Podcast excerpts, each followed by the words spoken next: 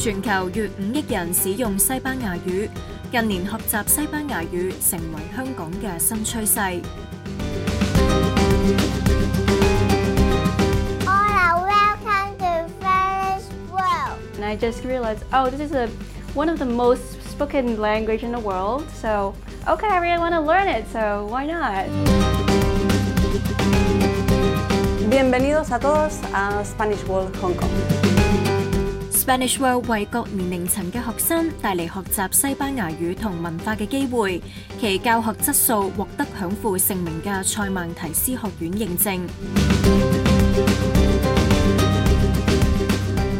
A lot of people they study Spanish because of business. See, some of them they want to travel, but some of them for job for their work, it's really important. So. We have a lot of students that they are working in different companies and they need Spanish. We try to practice a lot with them. We want them to enjoy our lessons and we want them to communicate and to start speaking as soon as possible. Spanish World 行政總裁喺線上訪問時表示，现时除咗香港之外，咁佢哋喺东南亚地区，例如马来西亚嘅吉隆坡同新加坡设有分校。I would say that Hong Kong is our most important market.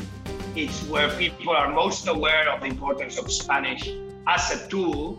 In Singapore and Kuala Lumpur, we're still generating demand. People are not as aware, but it's still growing double figures year over year. The number of students. So we think we can capture a lot of that growth.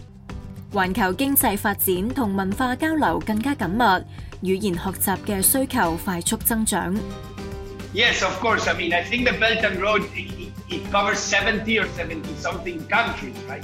And many of them are Spanish speaking. We are very aligned with that initiative, and we think that as it opens people people's minds and makes them see the world globally, 學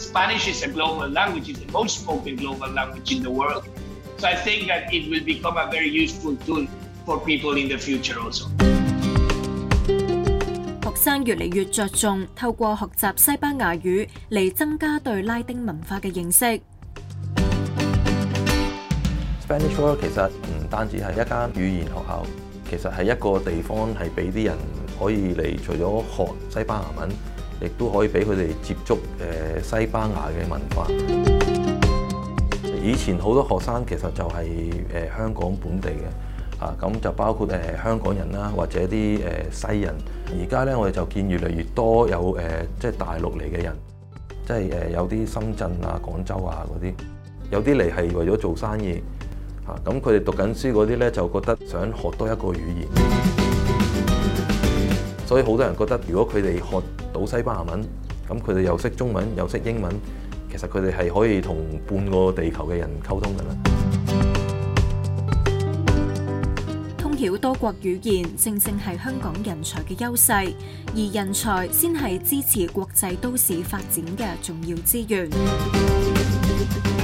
香港係一個 cosmopolitan city 啦，唔同國家人會嚟，咁有啲人會講 Spanish 嘅時候，跟住我就嗯，我都識講嘅，跟住係啦，跟住佢哋就會好 feel welcome，咁我都幾中意呢個感覺。優質嘅課程結合線上學習科技，讓學習打破限制，可以讓學生喺疫情反复時期持續收集西班牙語課程。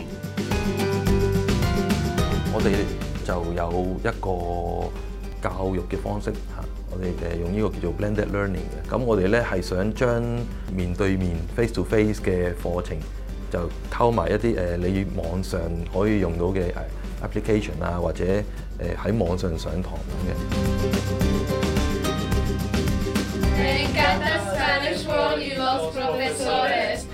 嘅。